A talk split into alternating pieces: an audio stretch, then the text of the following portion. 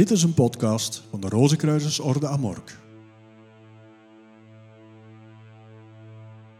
De bij.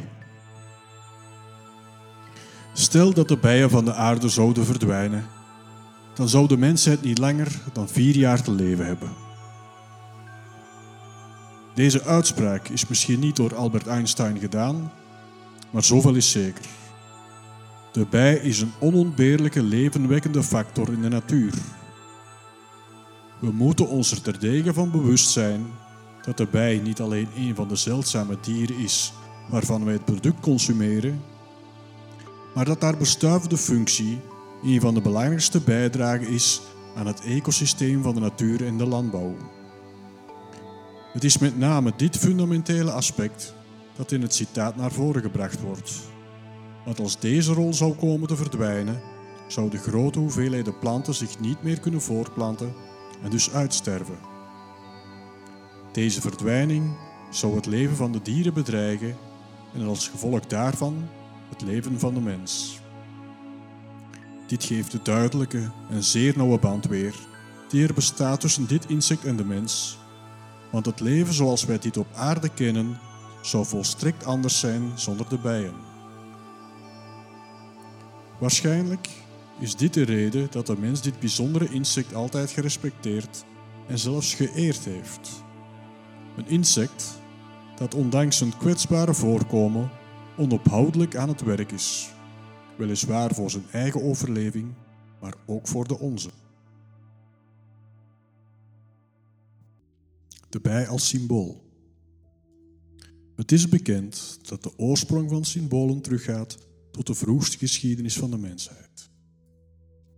Naar aanleiding van het voorafgaande kunnen we zien dat de bij een belangrijke plaats inneemt als sterk natuurlijk symbool door zijn oorsprong en zijn bijzondere kwaliteiten in relatie met de natuur. We moeten ons ervan bewust zijn dat de verschijning van de eerste bij op onze planeet hoogstwaarschijnlijk is samengevallen met de verschijning van de bloeiende planten, daar bijen en bloemen van elkaar afhankelijk zijn om te leven. Door hun kleur en hun vorm, door de nectar en het stuifmeel dat ze produceren, trekken de bloemen bijen aan. Deze brengen de zaaddeeltjes, het stuifmeel, naar de plaats waar het zijn moet voor de voortplanting. Door deze symbiose tussen planten en bijen zou het leven op de planeet in gevaar worden gebracht als de bijen op een dag door vervuiling of een andere reden zouden uitsterven. Zo symboliseert de bij het levensprincipe dat in eerste instantie essentieel is voor hun eigen evenwicht, maar ook onontbeerlijk is voor dat van onze planeet en voor alle levensvormen die op aarde evolueren. Daarom is de bij in alle tijden beschouwd als het essentiële levenwekkende aspect van de natuur en kunnen wij wel stellen dat ze tegenwoordig de wachter van ons leefmilieu is. Bovendien komt er uit de symbiose tussen de bij en de bloemen een heel scala aan producten voort die op hun beurt weer allemaal rijk aan symboliek zijn. De honing die als antiseptisch en helend middel gebruikt wordt, werd in vele oude culturen als heilig beschouwd. Mede werd als een goddelijke drank gezien die het eeuwige leven verschafte. Deze magische eigenschappen zouden het gevolg kunnen zijn van het feit dat de bijen in hun mond de nectar tot honing kauwen en verteren. In de thanatopraxie worden was en honing gebruikt om het lichaam van een dode te conserveren en het op die manier te onttrekken aan de invloed van de tijd. We moeten ook niet vergeten dat een van de weinige bronnen van licht in de vroege oudheid de kaars was. Het is dus de transformatie van de bijenwas die de vlam en het licht onderhoudt. Al deze aspecten tezamen verklaren dat bijenproducten vaak met onsterfelijkheid en zuivere energie in verband gebracht worden. De menselijke geest heeft echter ook kunstmatige symbolen in verband met de bijen in het leven geroepen. En ook al doorstonden deze de tand destijds niet altijd, ze hebben toch ons begrip sterk beïnvloed. In de eerste instantie heeft de mens in de onophoudelijke bedrijvigheid van de bijen allerlei deugden gezien van een gezond en uitgebalanceerd leven in relatie tot het werk. Dit komt overeen met een van de principes van de Rozenkruisers-utopie, die zegt dat werk niet beschouwd moet worden als een verplichting, maar als een bron van ontplooiing en voldoening. Voor iedere ontwikkelde maatschappij geldt dat inderdaad. Dat iedere mens op aarde de kans zou moeten krijgen om te werken voor het algemeen welzijn en in respect voor de medemens en het ecosysteem. Wat dit betreft willen wij opmerken dat er bij de bij geen sprake is van de egoïstische houding die de mens over het algemeen eigen is.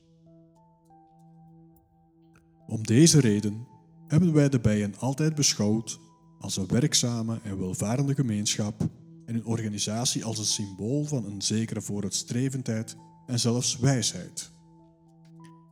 Dit is waarschijnlijk het gevolg van de ouderdom van de bijen, die, zoals we al eerder zagen, meer dan 40 keer langer op aarde leven dan de mens.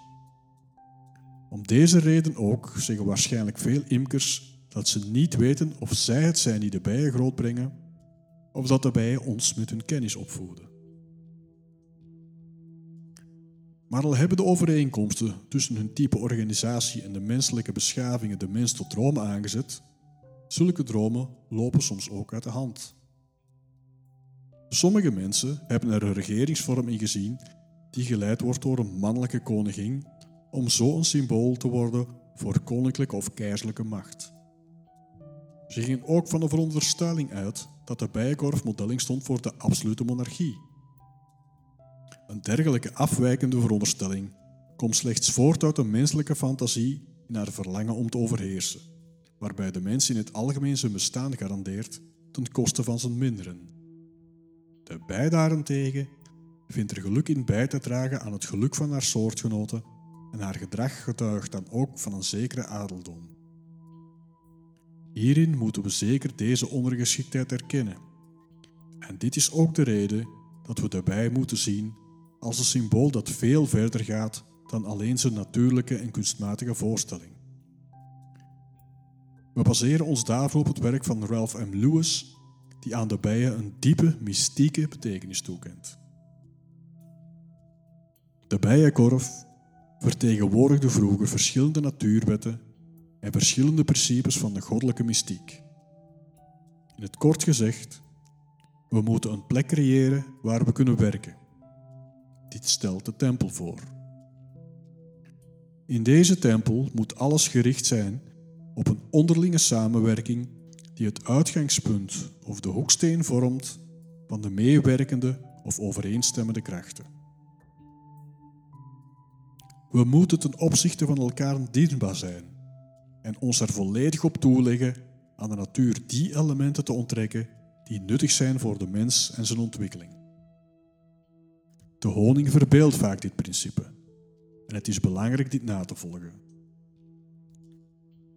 Uit de materiële wereld moeten we die elementen halen die geschikt zijn om van ons lichaam het huis van hun ziel te maken. Net zoals de bijen hun honingraadcellen maken om er de heerlijkheden van het leven in op te slaan. Met andere woorden, de mystieke interpretatie van dit symbool is dat de mens zijn uiterlijke lichaam moet vormen, zodat de rijkdom, de zachtheid en de vruchten van zijn werken en ervaringen kan bevatten en behoeden. Niet te behoeven van zichzelf, maar voor de groei en de versterking van de ander.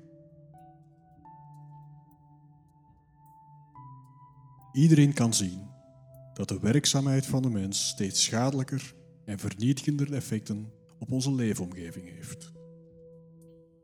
Door deze aantasting van het leefmilieu loopt de mensheid zeer grote risico's. Hetgeen op onvolwassenheid duidt, zowel op individueel als op collectief gebied. Als, zoals onze traditie zegt, onze planeet dient als plaats van ontwikkeling voor de menselijke persoonlijkheid, dan is haar voorbestaan afhankelijk van de bekwaamheid van de mens om de leefomgeving en het natuurlijke evenwicht dat eraan ten grondslag ligt te respecteren.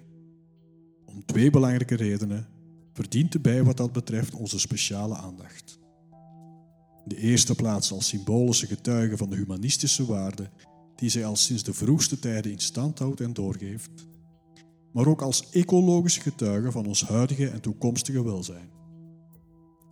De reden hiervan is heel gewoon dat de bij, die al langer op aarde voorkomt dan de mens, die door zoveel culturen, dichters en beroemde personen uit alle tijden hemelhoog geprezen wordt, de bij, de kwetsbare wachter van onze leefomgeving, deel moet blijven uitmaken van ons leven voor het natuurlijke evenwicht op onze planeet.